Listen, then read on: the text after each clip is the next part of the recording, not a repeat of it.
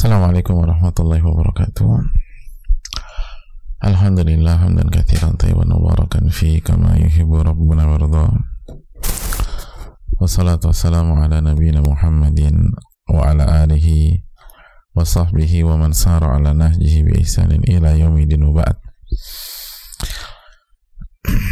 Alhamdulillah kita mulai kajian kita ini dengan meminta pertolongan kepada Allah Subhanahu wa taala dan meminta keberkahan dengan menyebut namanya. Sebagaimana marilah kita memulai dengan rasa syukur kepada Allah. Puji dan puja kepada Rabbul Alamin. Atas segala nikmat dan karunia Allah berikan kepada kita. Khususnya nikmat kesempatan beribadah kepada Allah. Bertakarub kepada Allah Subhanahu wa taala. Kesempatan meningkatkan iman kita. Karena kesempatan meningkatkan iman kita itu lebih berharga daripada kesempatan meningkatkan harta kita.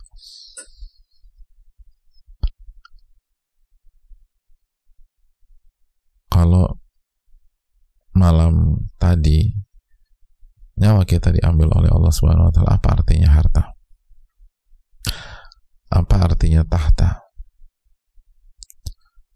Tapi kalau pertanyaan apa artinya il apa artinya ilmu dan iman jelas sangat-sangat berarti untuk melewati perjalanan panjang di alam barzakh dan berdiri di hadapan Rabbul Alamin Malik Yaumiddin. Oleh karena itu bersyukurlah kepada Allah Subhanahu wa taala. Sebagaimana salawat dan salam semoga senantiasa tercurahkan kepada junjungan kita uswah hasanah kita Nabi kita Muhammadin sallallahu alaihi wasallam beserta para keluarga, para sahabat dan orang-orang yang istiqomah berjalan di bawah naungan sunnah beliau sampai hari kiamat kelak. Hadirin Allah muliakan masih di penghujung bab muraqabah. Kita akan berusaha mengumpulkan hikmah-hikmah yang tersebar dalam bab ini. Tentu saja dengan segala keterbatasan dan kekurangan kita. Tapi semoga Allah berkahi dan Allah tolong. Muraqabah sekali lagi adalah sebuah dasar dari seluruh amalan-amalan hati. Sebagaimana dijelaskan Al-Imam Ibnul Qayyim. Dan awal dari baik buruknya fisik kita. Berbicara tentang muraqabah jamaah, kita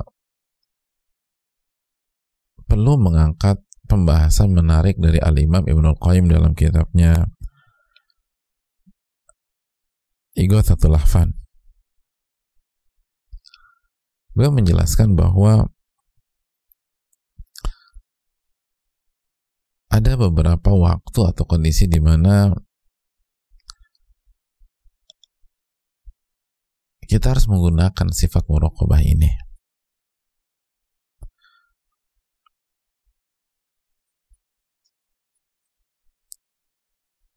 Dan itu bisa kita lihat dari seluruh dalil yang dibawakan Imam Nawawi.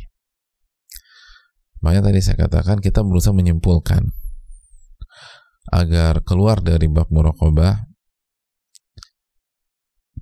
uh, ilmu kita tentang muraqabah bisa kita klasifikasikan, bisa kita satukan dan tidak bingung ketika tersebar atau tercecer. Jadi gampang nyarinya nanti kalau udah berhadapan dengan kondisi real. Punya baju sekamar, tapi berantakan. Begitu mau dipakai, itu bingungnya obrak-abrik kamal. Coba rapi gitu ya, taruh di lemari, bahkan di apa ditentukan ini untuk uh, baju resmi lalu uh, baju olahraga baju tidur semua akan lebih mudah insya Allah nah dari keterangan hadis-hadis yang dibawakan Imam Nawawi lalu kita masukkan keterangan Ibnu Qayyim ini ada beberapa waktu yang bisa kita simpulkan. Yang pertama jamaah sekalian kata Imam Ibnu Qayyim muraqabatul abdi fi ta'ah hendaknya kita merasa diawasi oleh Allah Subhanahu wa taala di saat kita mengerjakan ketaatan. Di saat kita melakukan ketaatan. Ketika kita sholat, ketika kita puasa, ketika kita zikir,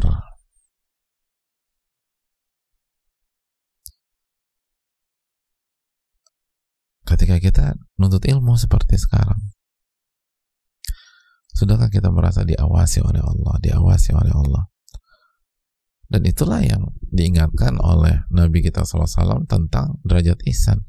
Anta'budallaha ka'annaka tarah. Engkau beribadah kepada Allah di dengan kondisi seakan-akan engkau melihat Allah fa'ilam takun tarah dan apabila Anda nggak bisa melihat Allah, fa innahu yarak. Sesungguhnya Allah Maha melihat engkau. Jadi engkau beribadah dengan kondisi seakan-akan engkau melihat Allah. Hadirin Allah muliakan. Maka pada saat kita mengerjakan ketaatan, coba hadirkan perasaan diawasi oleh Allah Subhanahu wa taala. Mulai dari awal lalu ketika berada dalam ibadah tersebut lalu di akhir makanya Imam Hasan Al-Basri mengatakan rahimallahu abdan waqafa inda hammi fa in kana lillahi madha wa in kana li ghairihi ta'akhkhar. Allah merahmati seorang hamba yang apabila ingin mengerjakan sesuatu baru ingin nih atau bertekad melakukan sesuatu itu dia berhenti dulu gitu loh. Nggak langsung diserobot aja. Stop sebentar. Fa'in kana lillahi madha lalu dia tanya ini untuk siapa nih? Gitu loh. Kalau untuk Allah karena Allah baru dia melangkah. Hold dulu. Untuk siapa nih? Sebelum kita buka uh, link atau channel YouTube atau Zoom misalnya ada kajian tanya dulu. Untuk siapa ya? Saya ngaji ini untuk siapa untuk Allah. Bismillah maju. Klik udah klik. Kita mau sholat subuh. Tanya dia ini untuk siapa nih sholat subuh? Habis sholat subuh mau zikir pagi. Zikir pagi ini buat siapa sih? Kita persembahkan buat siapa? Karena siapa kita zikir pagi? Kalau karena Allah bismillah wa kana li ghairihi ta'akhkhar tapi kalau ternyata bukan karena Allah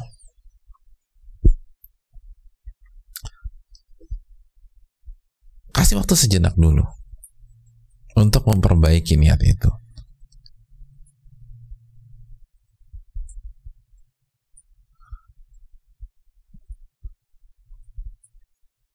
Jadi kasih waktu sejenak akhar, tunda dulu. Tapi bukan ditinggalin. Mas kenapa nggak sholat subuh? Hmm, tadi sih kayaknya bukan karena Allah. Jadi saya hold dulu. Besok insya Allah saya coba lagi. Lo jangan begitu mas tunda dulu berapa menit, perbaiki niat, baru maju lagi. Itu kata para ulama.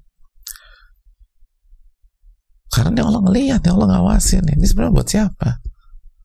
Karena Allah lihat. Fa'innahu yarak dalam hadis ihsan kan, hadis Jibril, Allah maha melihat engkau. Oh jangan sampai salah.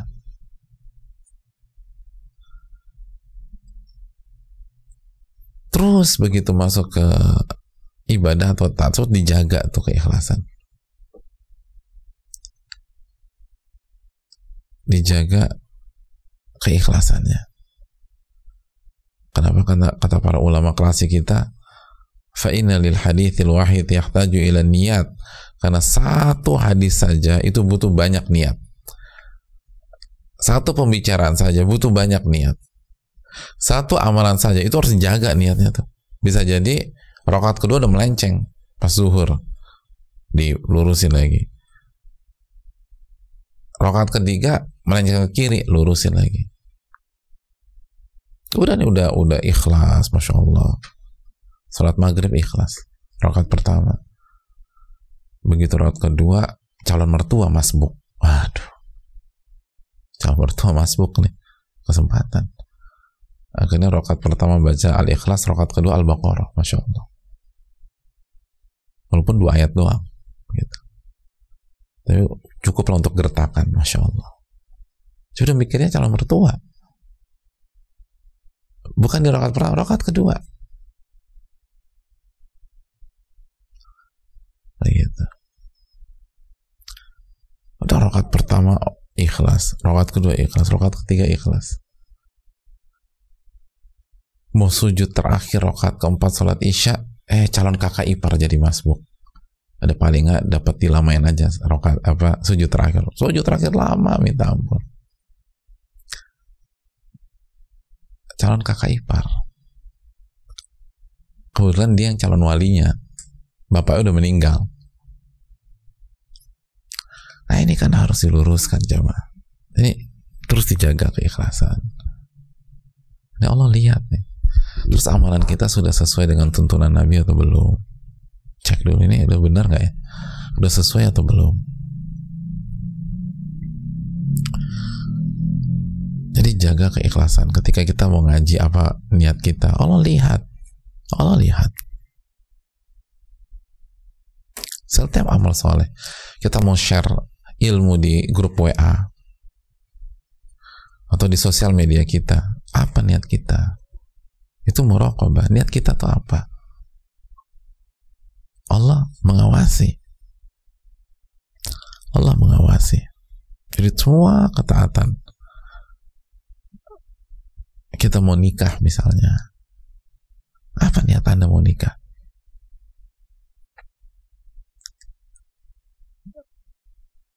Ini yang perlu kita camkan. Semua perlu muraqabah. Ketaatan, ketaatan, ketaatan, ketaatan, muraqabah. Apa tujuan Anda? Kata para ulama, kata Ibnu Qayyim. Sudah benar atau belum? Nah ini kita harus terap, berusaha terapkan, berusaha terapkan, berusaha terapkan, berusaha terapkan. Karena hadirin Allah muliakan kalau enggak kita nggak akan berhasil. Lalu yang kedua pada saat kapan kita muraqabah menarik ya ma kata Ali bin Qayyim rahimahullah taala wa muraqabatuhu fil ma'siyah dan kita juga harus muraqabah. Kita harus muraqabah. Pada saat kita maksiat atau ketika kita tergelincir ke dalam maksiat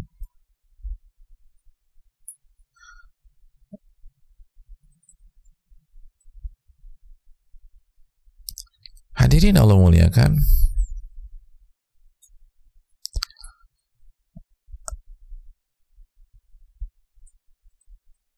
Gimana caranya tuh?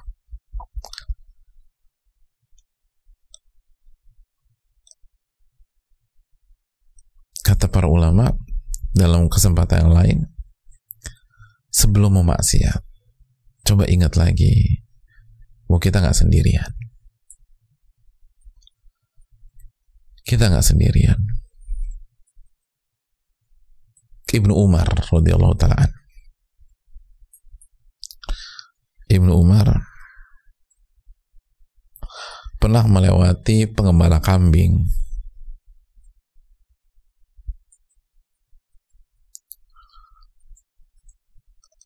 Lalu begitu bertemu kata Ibnu Umar ya ra'i ya ra'i al-ghanam wahai pengembala kambing hal min jazrah Ibnu Umar minta satu jenis kambing. Qala ra'i laysa hahuna rabbuha. Kata pengembala mohon maaf yang punya kambing nggak ada. Yang punya kambing nggak ada.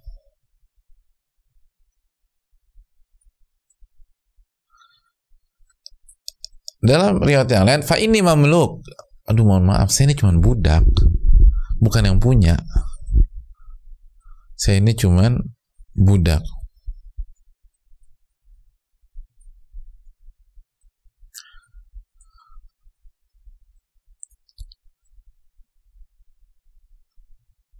Lalu jawab Ibnu Umar, Ibnu Umar mau ngecek nih mau cek ombak kalau bahasa sekarang kata Ibnu Umar takulu akalah dzi'bu wahai pengembala kambing gampang aja itu mah diakalin.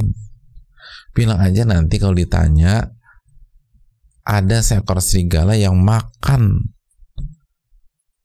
itu kambing. Selesai. Kamu jual ke saya saya kasih uang masuk kantong. Udah bilang aja dimakan serigala. Orang juga ngerti. Udah ada hitung-hitungannya gitu. Saya juga tahu, ada hitung-hitungannya. Udah ada beberapa ekor dilepas kalau dari serigala udah. Bilang aja gitu, gampang. Nanti saya beli, sebutin harganya. Kamu bisa kantongin tuh duit.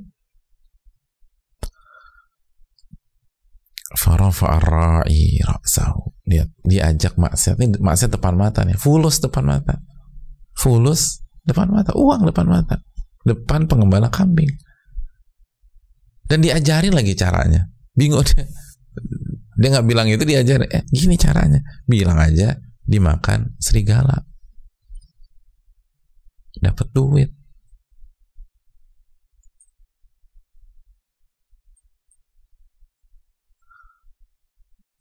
depan maksiat. Apa yang dilakukan? Lihat apa yang dilakukan oleh pengembala itu. Farafa'a ra'i ra'sahu ila sama. Lalu seketika itu juga sang pengembala kambing mengangkat kepalanya ke atas sambil seraya berkata Allah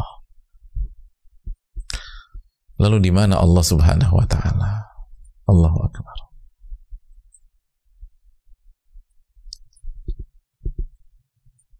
Lalu di mana Allah Subhanahu wa taala? Ini Allah lihat saya. Seolahnya kita Allahnya kita skip gitu. Allahnya kita hapus. Ini Allah memperhatikan saya. Allah mengawasi saya. Ini muraqabah jemaah. Ke mana Allah? Gak dianggap. Wih. Satu kalimat tanya. Tapi skakmat jemaah. Fa'in Allah. Kita mau disogok udah ambil aja. Bos lo nggak tahu kok.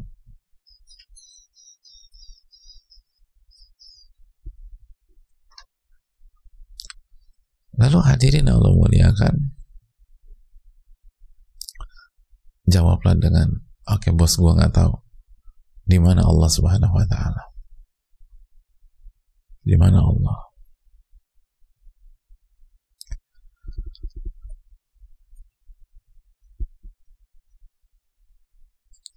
udah kita buka kamar aja. Istri kamu tuh nggak tahu gitu kan. Udah kita buka kamar. Atau udah gue aturin deh bini lo nggak tahu.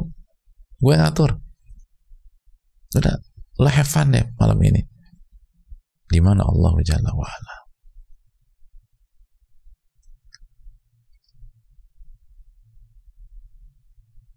Udah kita lakukan hari ini aja suami kamu kan dinas. Suami kamu kan lagi kunjungan keluar. Kamu tahu boarding passnya kamu bisa cek lah. Dia pulang besok. Itu pun 9 jam perjalanan atau 12 jam perjalanan. Kita lakukan hari ini. Jawab aina Allah? Di mana Allah subhanahu wa ta'ala? Di mana Allah? Kayak suami kita nggak tahu tapi Allah tahu. Istri kita nggak tahu tapi Allah tahu.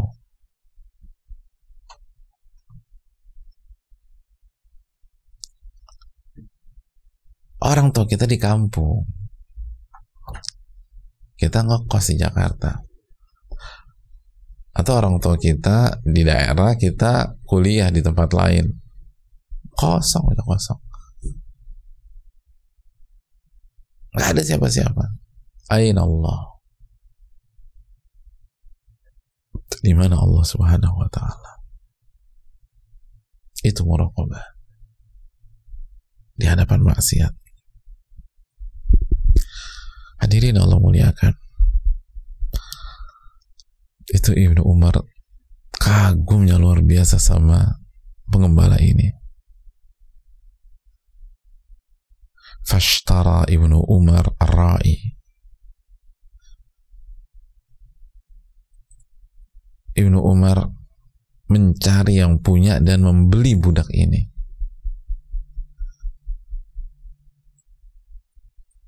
Washtaral ghanama dan tidak lupa dia membeli juga kambing itu.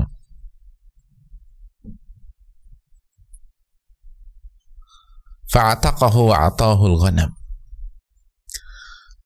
Lalu budak ini dimerdekakan oleh Ibnu Umar, lalu dimodalin nih satu kambing. Masya Allah. Masya Allah. Lihat. Coba. Kita lihat di sini bukan hanya dari sisi murokobah, tapi orang yang murokobah pasti endingnya sukses. Endingnya sukses. Bukan hanya dapat duit. Yang senilai kambing. Dia dapat kambing, dia dapat kemerdekaan. Dia dapat freedomnya. Dia dimerdekakan sebagai budak. Kalau dia bermain maksiat, pertama dia cuma dapat duit itu pun uang panas, uang haram, nggak bakal berkah. Dan kalau misinya sukses, kalau yang punya juga cerdas, lebih cerdas dari dia, atau dia nggak nggak nggak pernah nggak punya pengalaman berbohong, gemeteran, e, a, e, gitu, terus nggak bohong nih. Atau ya yang punya udah pengalaman ditipu sama 15 budak yang sebelumnya. Jadi dia percobaan yang ke-16 ah gue tahu. Gue pernah ketipu yang 15, udah 15 kali ketipu nggak mungkin saya nggak mau ketipu ke 16 kali. Ketahuan. Oh selesai. Ada banyak kemungkinan buruk yang nggak dipertimbangkan pada saat kita mau maksiat. Kan ditutup tuh sama syaitan. Akhirnya berantakan semua. Sama pada saat orang berzina misalnya ada puluhan kemungkinan buruk tapi semua ditutup sama syaitan buta tuh mata kita pada saat kita ngedrugs misalnya atau minum minuman keras. Ada puluhan kemungkinan buruk. Tapi ditutup tuh sama syaitan. Dan masalahnya karena kita tidak muraqabatullah. Tidak merasa diawasi oleh Allah Jalla wa'ala.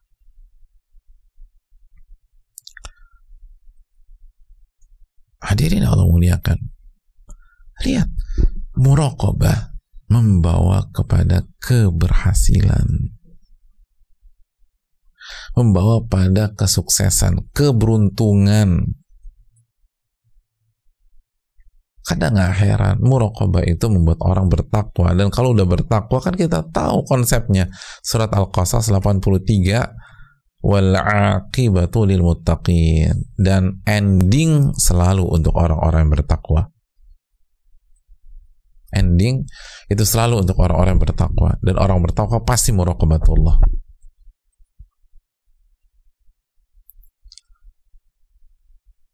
Lihat, dapat kambing, dapat status merdeka dan terbebas dari budak. Oh itu cita-cita semua budak jamaah pada saat itu. Merdeka.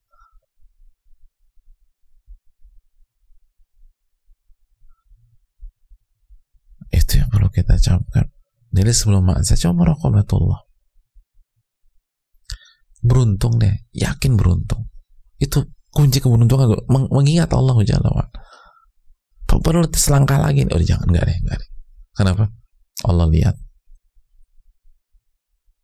Allah lihat. Makanya sebagian ulama klasik mengatakan silakan maksiat, tapi dengan catatan di tempat yang Allah nggak lihat. Udah di situ aja deh. Di waktu di mana Allah nggak lihat. Dan nggak ada waktu dan tempat tersebut.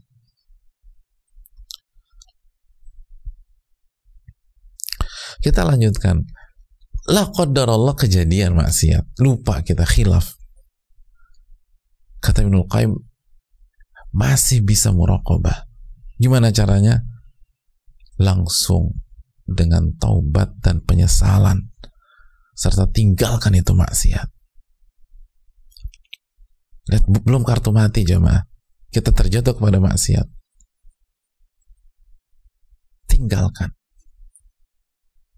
Taubat kepada Allah. Nyesal senyesal-nyesalnya. Nyesal. Tinggalkan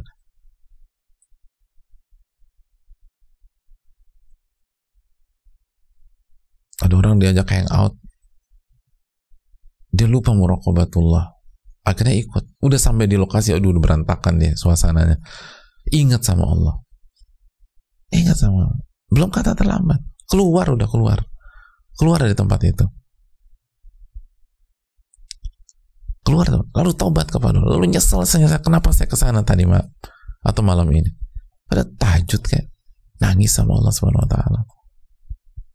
Kenapa saya lakukan itu? Lakukan Allah misalnya ada seseorang berzina. Dia pikir istrinya nggak tahu, anaknya nggak tahu.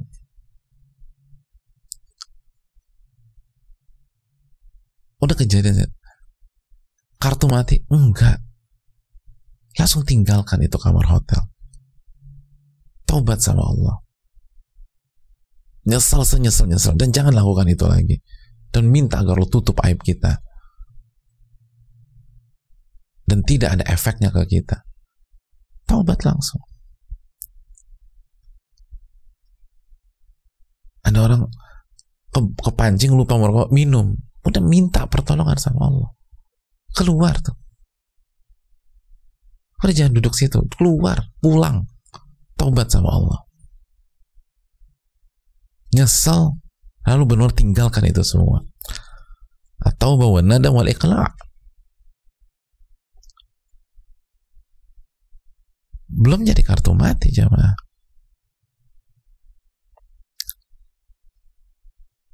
Tinggalkan. Tinggalkan. Ingat merasa diawasi. Bahwa Allah masih buka pintu tobat ke kita. Allah ghafurur rahim. Tapi kalau kita nggak tobat secepatnya, Allah syadidul iqab. Allah maha pedih siksanya.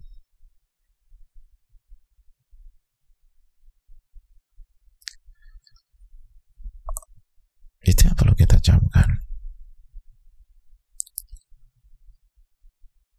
Jadi saat maksiat pun masih bisa muraqabah. Dan jangan kemakan syaitan atau orang-orang yang buruk yang menjatuhkan harapan kita lo udah nggak bisa oh lo lo udah hancur. Oh gue masih bisa tobat. Nggak bisa udah. Lo tuh ibarat nasi udah jadi bubur udah. Selesai. Tamat lo jadi orang baik. Hijrah lo selesai. Lah jangan berpikir begitu. Tobat.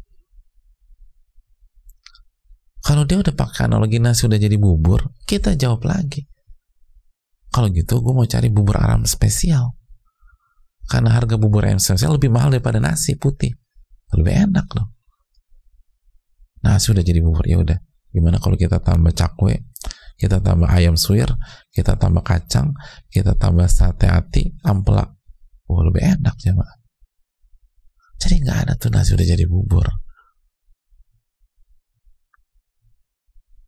Masih ada kesempatan taubat. Ingat sama Allah jangan ingat sama manusia Ustadz tapi orang-orang udah tahu skandal saya atau kemaksiatan saya. Makanya jangan lihat ke orang. Mungkin manusia nggak bukakan pintu kesempatan kedua tapi Allah kasih kesempatan kedua buat kita. Saya udah hancur Ustaz. semua udah tahu. Iya Allah juga tahu tapi mereka udah nggak percaya lagi sama saya. Allah masih percaya. Kalau anda tobat. Yang jadi masalah pada saat kita saya maksiat kita fokusnya ke makhluk. Udah cukup deh kembali ke Allah subhanahu wa ta'ala. Udah taubat nyesal buang itu semua mulai lembaran baru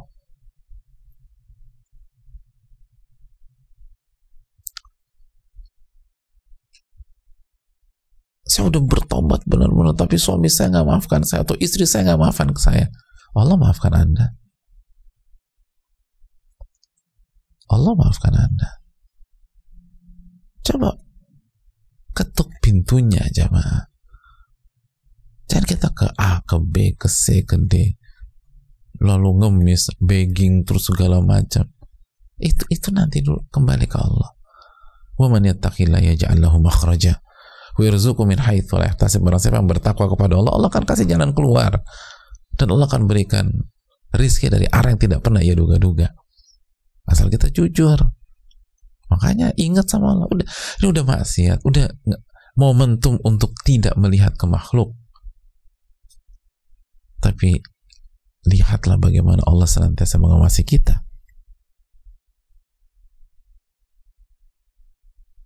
Kita lanjutkan jemaah wa muraqabatuhu fil mubah.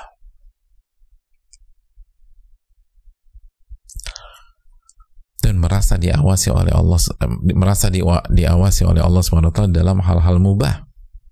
Dalam hal-hal mubah. Ingat hal mudah harus merasa diawasi oleh Allah juga. Allah tuh ngelihat kita mengawasi kita.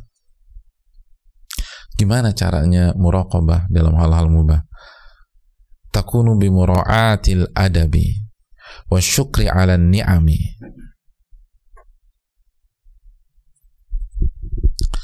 Caranya kata para ulama dengan memperhatikan adab-adab di bidang tersebut. Jaga adabnya. Jaga etikanya. Jangan mentang-mentang mubah ngasal main tabrak sana. Eh jaga etika etika dijaga. Itu jamaah. Ah, ini teman-teman lagi suka sepedahan. Sepeda hukumnya apa? Oh kalau saya wajib Ustaz. Oh Masya Allah. Sabtu Minggu wajib sepeda. Sepeda mubah. Nah jaga etika. Etika jalan. Kata Nabi fa'ati kulladhi haqqin haqqo. Penuhilah hak jalan eh, penuhilah jalan eh, hak jalan itu eh, dengan dengan maksimal. Hak ada, ada, hak jalan. Kasih salam. Gitu. Terus jangan zolimin orang. Mentang-mentang kita rombongan banyak kita tutup semua ruas jalan. Enggak. Kan ada lintasannya. Main di situ terus pakaiannya dijaga jamaah itu penting. Etika jaga pakaian. Jangan sampai demi sebuah kegiatan akhirnya kita pertaruhkan aurat kita. Jaga pakaian. Jadi adabnya tuh dilihat.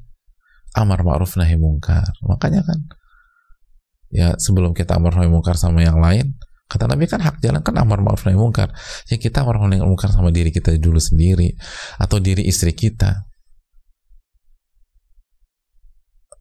itu sepeda istri kita pakainya begitu. Dilihat. Hati-hati hati-hati aurat gitu jamaah jadi boleh mubah tapi jaga jaga adabnya etikanya wa syukri ala ni'am. Jadi itu dijaga. Dan juga jangan berlebih-lebihan. Kita udah bahas. Wala tusrifu. Kita udah bahas surat al-araf kan? Jangan berlebih-lebihan. Dan porsi itu sangat subjektif. Dan ini membutuhkan kejujuran kita dengan Allah Subhanahu wa taala.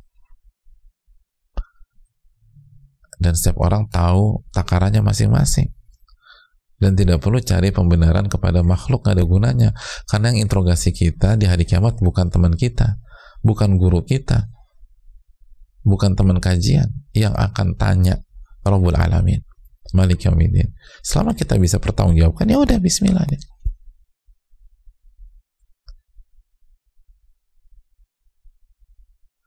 Jangan kita sibuk cari justifikasi.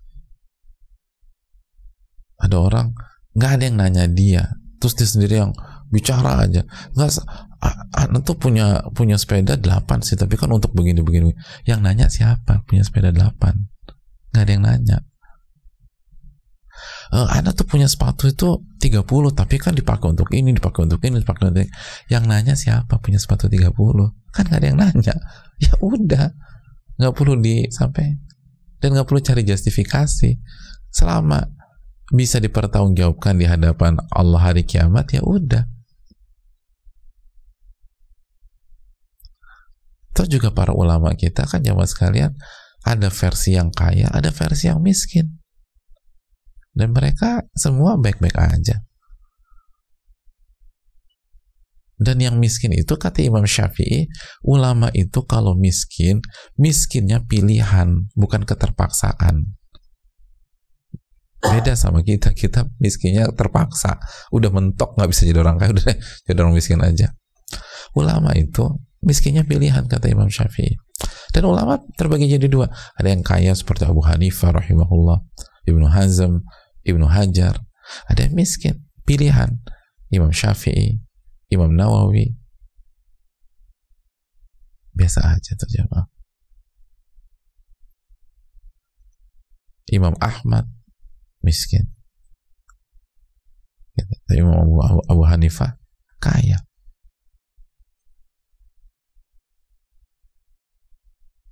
Dan nggak ada yang saling itu. Karena mereka tahu hisapnya masing-masing. Hisapnya masing-masing. Dan semua bertanggung jawab pada dirinya. Dan semua punya alasan yang syar'i itu masih ingat ucapan Imam Abu Hanifah. Kenapa Abu Hanifah pakai pakaian bagus terus?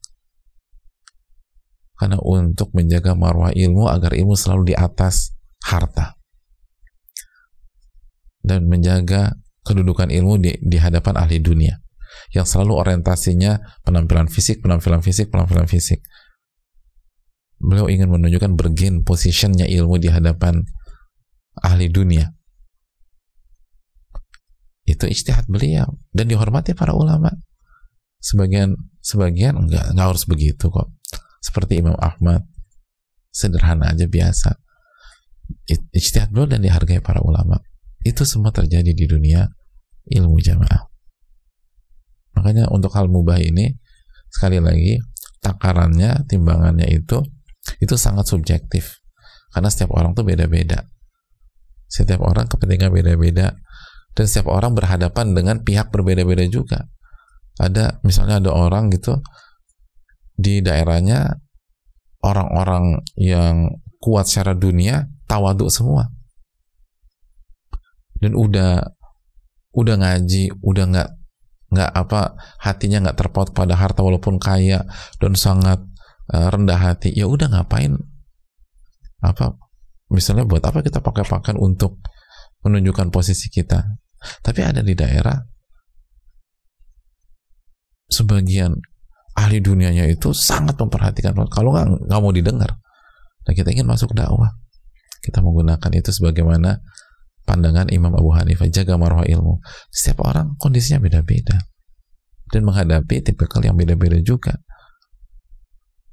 Maka kembali ke masing-masing dan kita husnudon kepada saudara kita Allah taala alam itu yang mubah terus yang berikutnya muraqabah ketika dapat nikmat jemaah. Wa syukri ala ni'am. Fa innahu la yakhlu min ni'matin la budda lahum min syukri 'alaiha. Itu. Ketika kita dapat sesuatu langsung ingat Allah mengawasi kita. Berarti gimana? Bersyukur. Bersyukur jadi dapat nikmat yang diingat Allah jemaah. Muraqabah merasa diawasi oleh Allah. Ini handphone mau dipakai buat apa nih gitu loh. Ini mobil dipakai buat apa? Ah syukur. Harus saya syukuri. Saya dapat mobil bagus ibadah saya harus lebih kencang.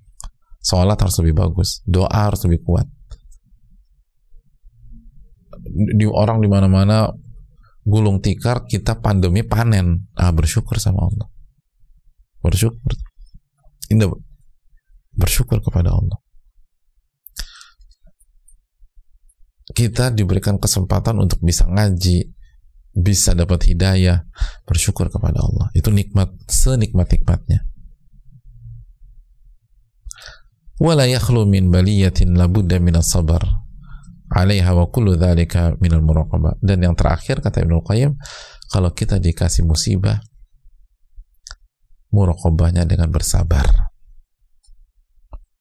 Dikasih musibah dikasih bencana dikasih kesulitan maka ingat Allah selalu memperhatikan kita selalu mengawasi kita selalu melihat kita walaupun kita sendirian walaupun gak ada siapa-siapa walaupun kita lagi susah pada saat kita menahan rasa sakit rasa sesak di dada yakinlah Allah mengawasi kita dan melihat kita maka jalani detik-detik itu dengan sabar.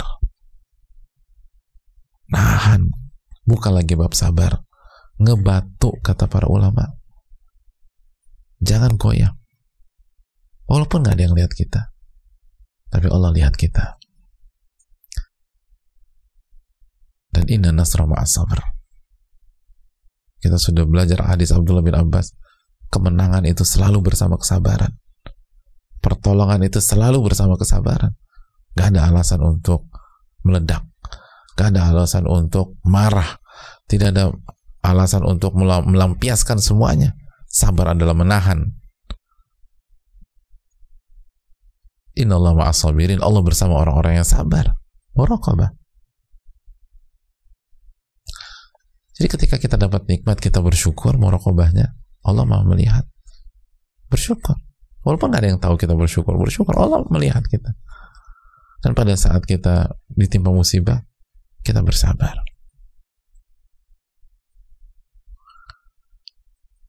Itulah waktu-waktu muraqabah yang dijelaskan oleh Al-Imam Ibn Qayyim dalam Ighathatul Lahfan sangat komprehensif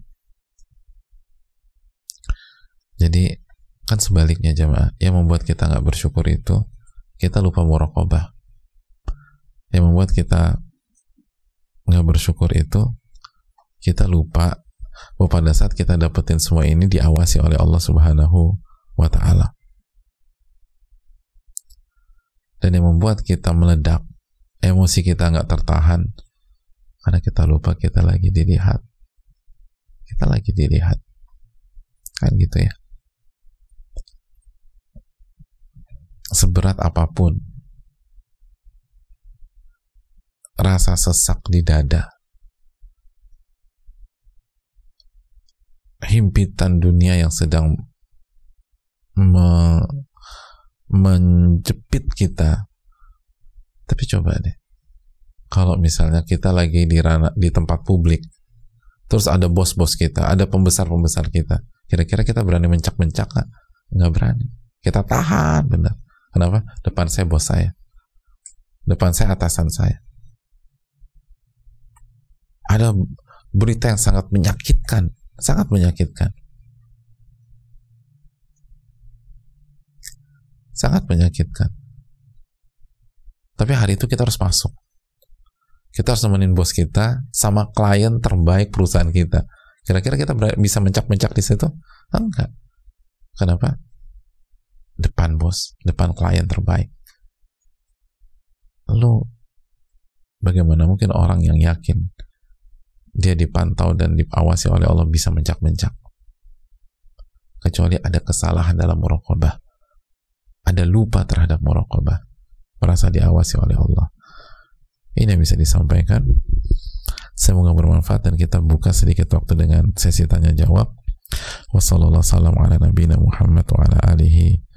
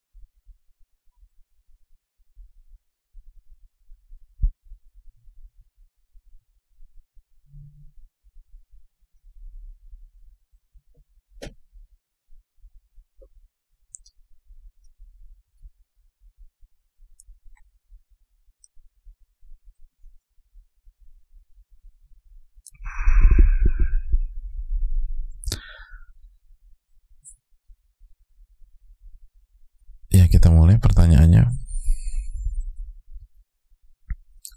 uh,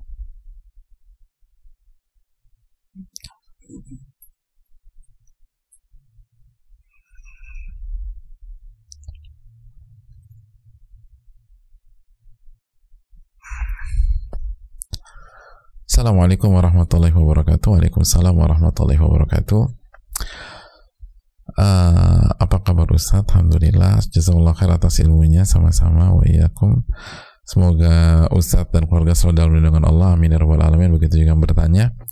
Afan mau bertanya Ada kerabat Ada ada saudara Ana sudah menikah. Ada saudara Ana sudah menikah Yang khilaf dan berzina.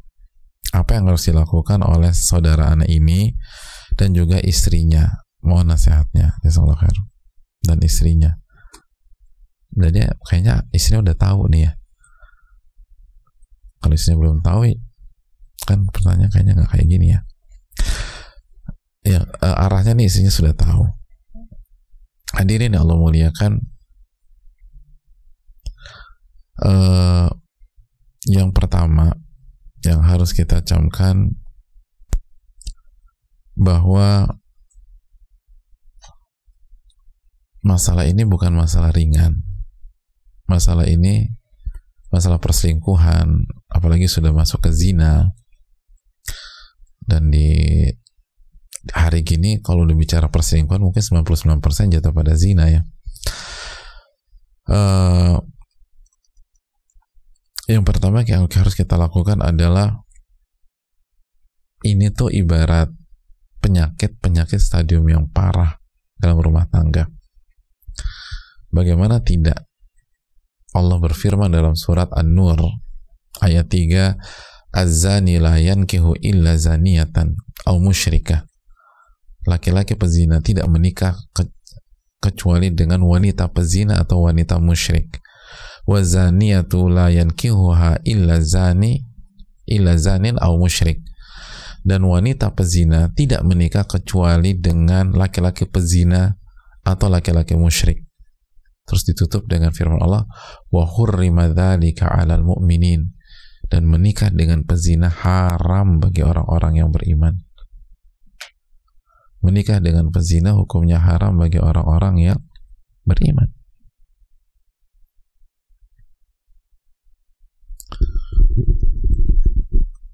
Hadirin Allah muliakan.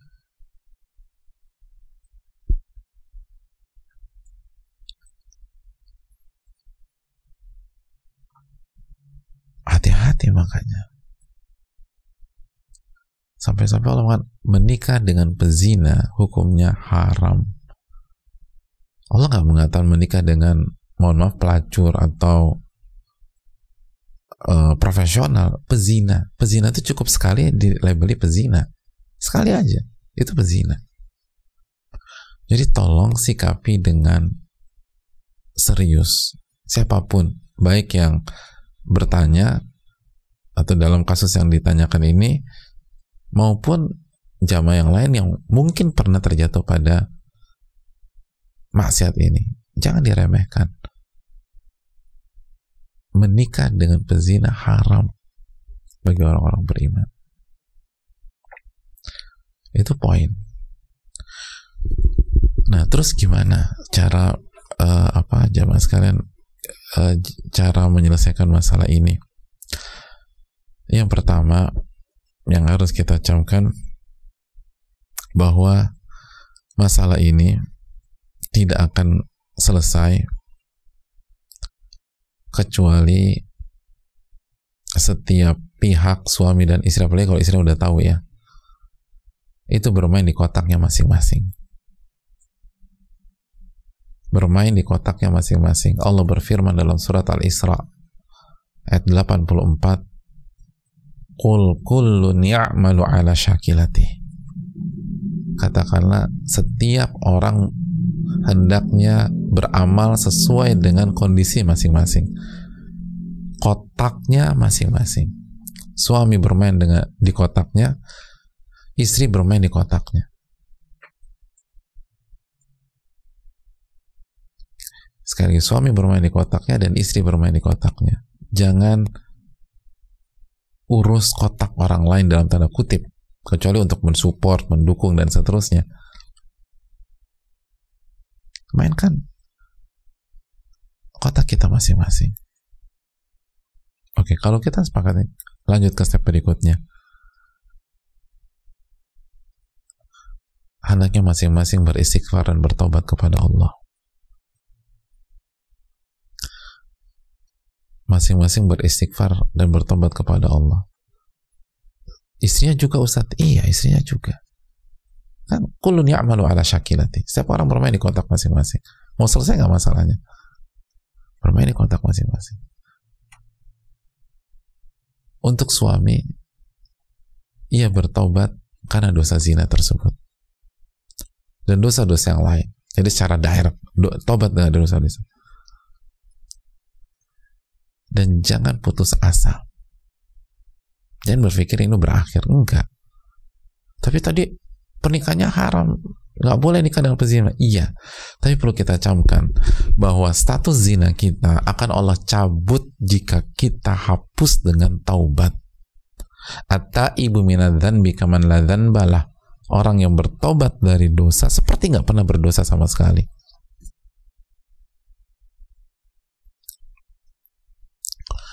seperti nggak pernah berdosa sama sekali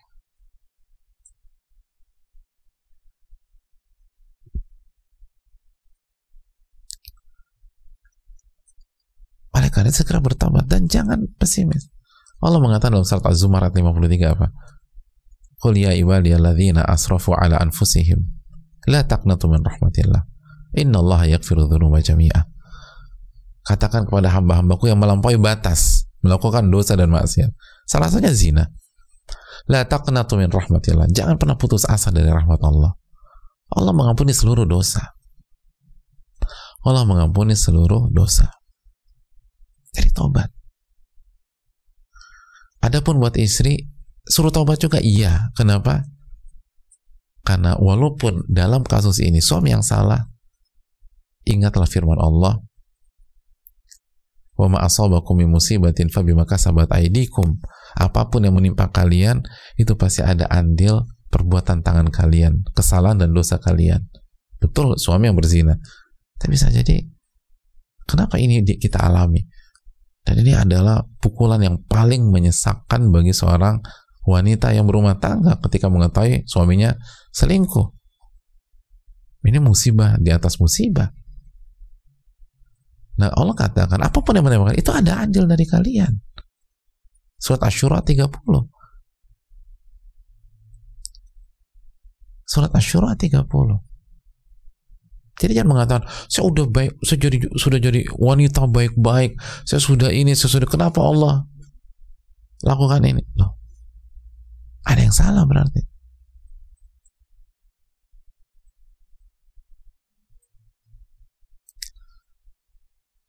Apa kata Allah dalam surat Ali Imran ayat 182 Dzalika bima qaddamat Dzalika bima qaddamat aydikum wa anna Allah laisa bidzallamin lil abid.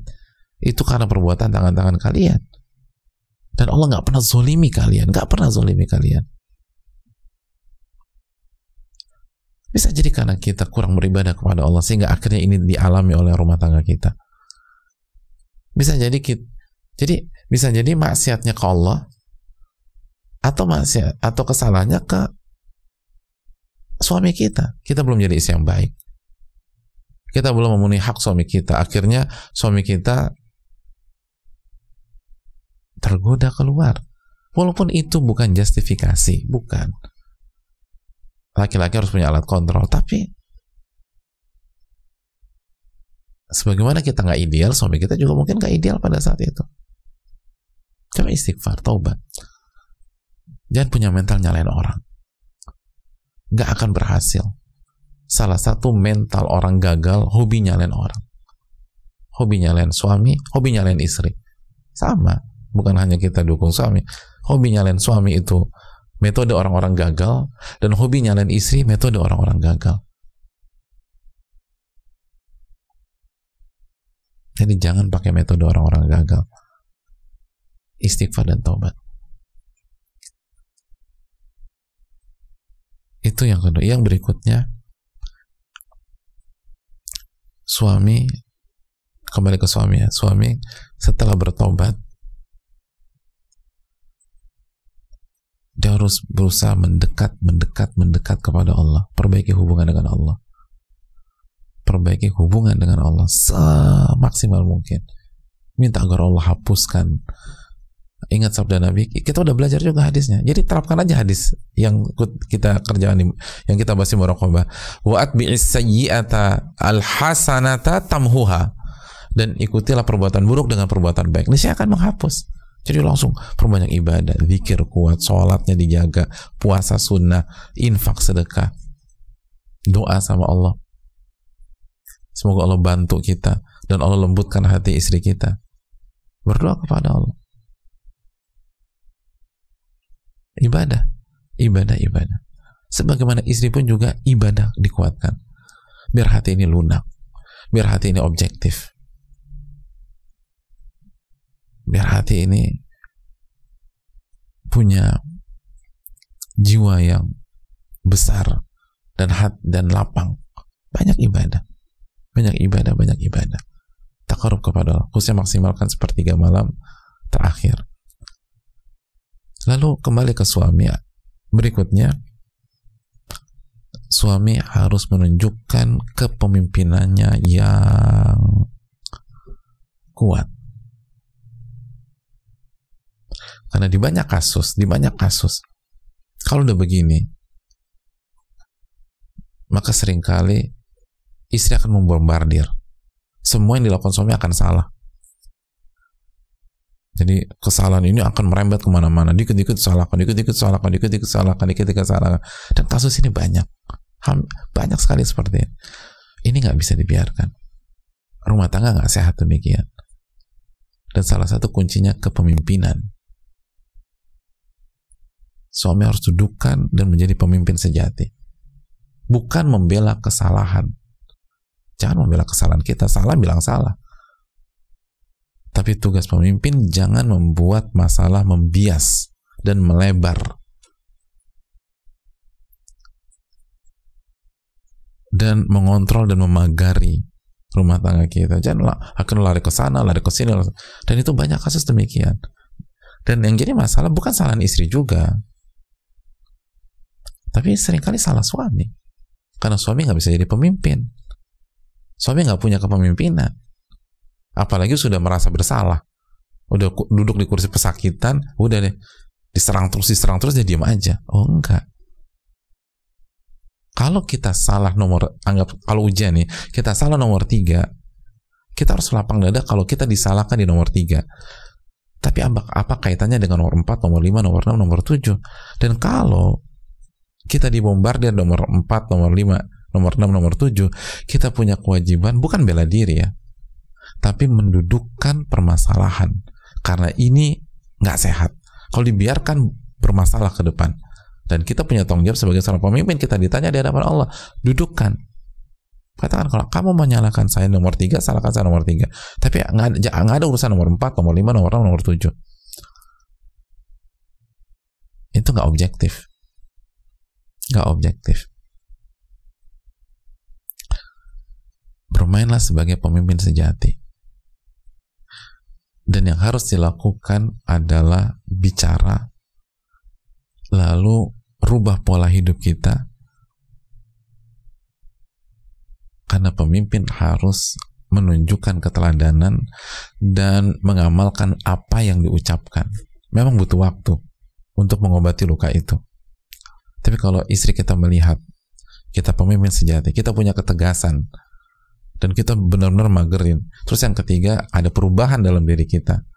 Lalu yang keempat sekali lagi apa yang kita ucapkan itu yang kita amalkan pada hari ini atau yang kita amalkan itu yang kita ucapkan walk the talk itu lalu di waktu yang sama kita berdoa kepada Allah insya Allah hati istri kita luluh dan untuk istri untuk istri yang berikut yang yang perlu kita camkan bersikap objektif lah Allah berfirman dalam surat Al-Maidah ayat 8 ya wala yajrimannakum syana'anu qaumin ala alla ta'dilu i'dilu huwa aqrabu taqwa janganlah kebencian kekecewaan kalian kepada sebuah kaum membuat kalian tidak berlaku objektif dan adil.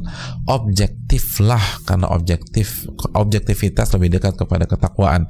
Bersikap adil lah karena bersikap adil termasuk ke dalam ketakwaan.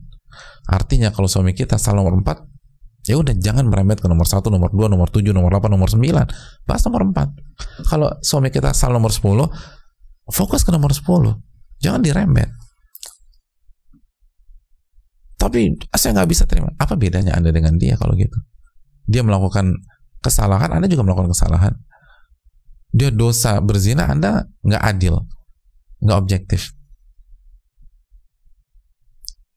dosa juga dia dosa dia dosa. Dosa itu nggak bisa diselesaikan dengan dosa. Dosa itu nggak bisa diselesaikan dengan dosa. Dosa itu diselesaikan dengan taubat dan perbuatan baik. Jadi kalau mau mau berurusan kerucutkan masalah. Semua sepakat. Orang-orang yang mengerti problem solving kalau ada masalah tuh kerucutkan jangan dibiaskan. Nggak akan selesai. Jadi oke okay, saya nggak saya nggak masih nggak bisa terima. Oke okay, step pertama kesalahannya apa sih? Kesalnya zina. Oke lingkarin tuh poin itu. Jangan ributkan yang lain yang lain yang lain yang lain yang lain yang lain. Itu nggak ada masalah kan? Nggak ada masalah. Ya udah fokus masalah itu aja. Kalau kita rem kita merembet ke yang lain kita nggak adil dan kita nggak objektif.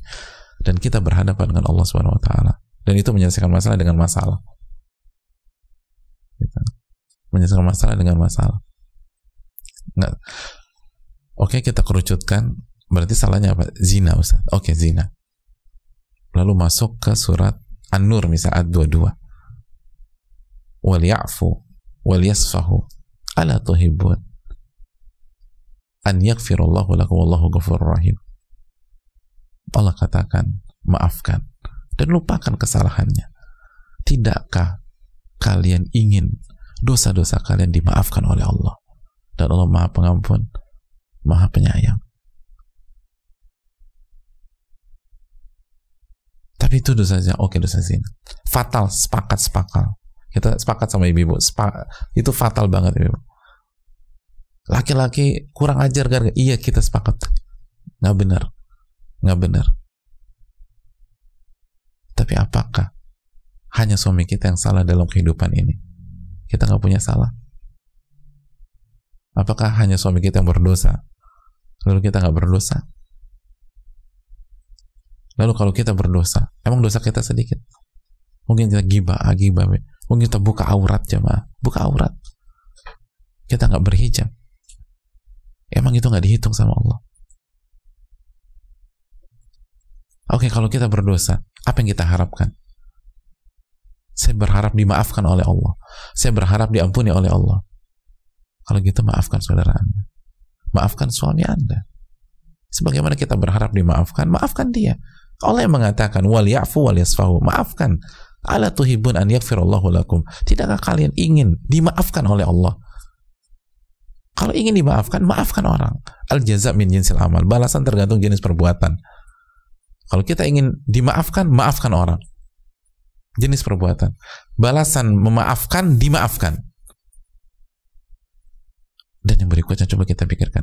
Kita nih hidup di dunia sering kali buat ma buat dosa sama orang dan kita nggak bisa minta maaf ke orang tersebut. Gimana coba caranya?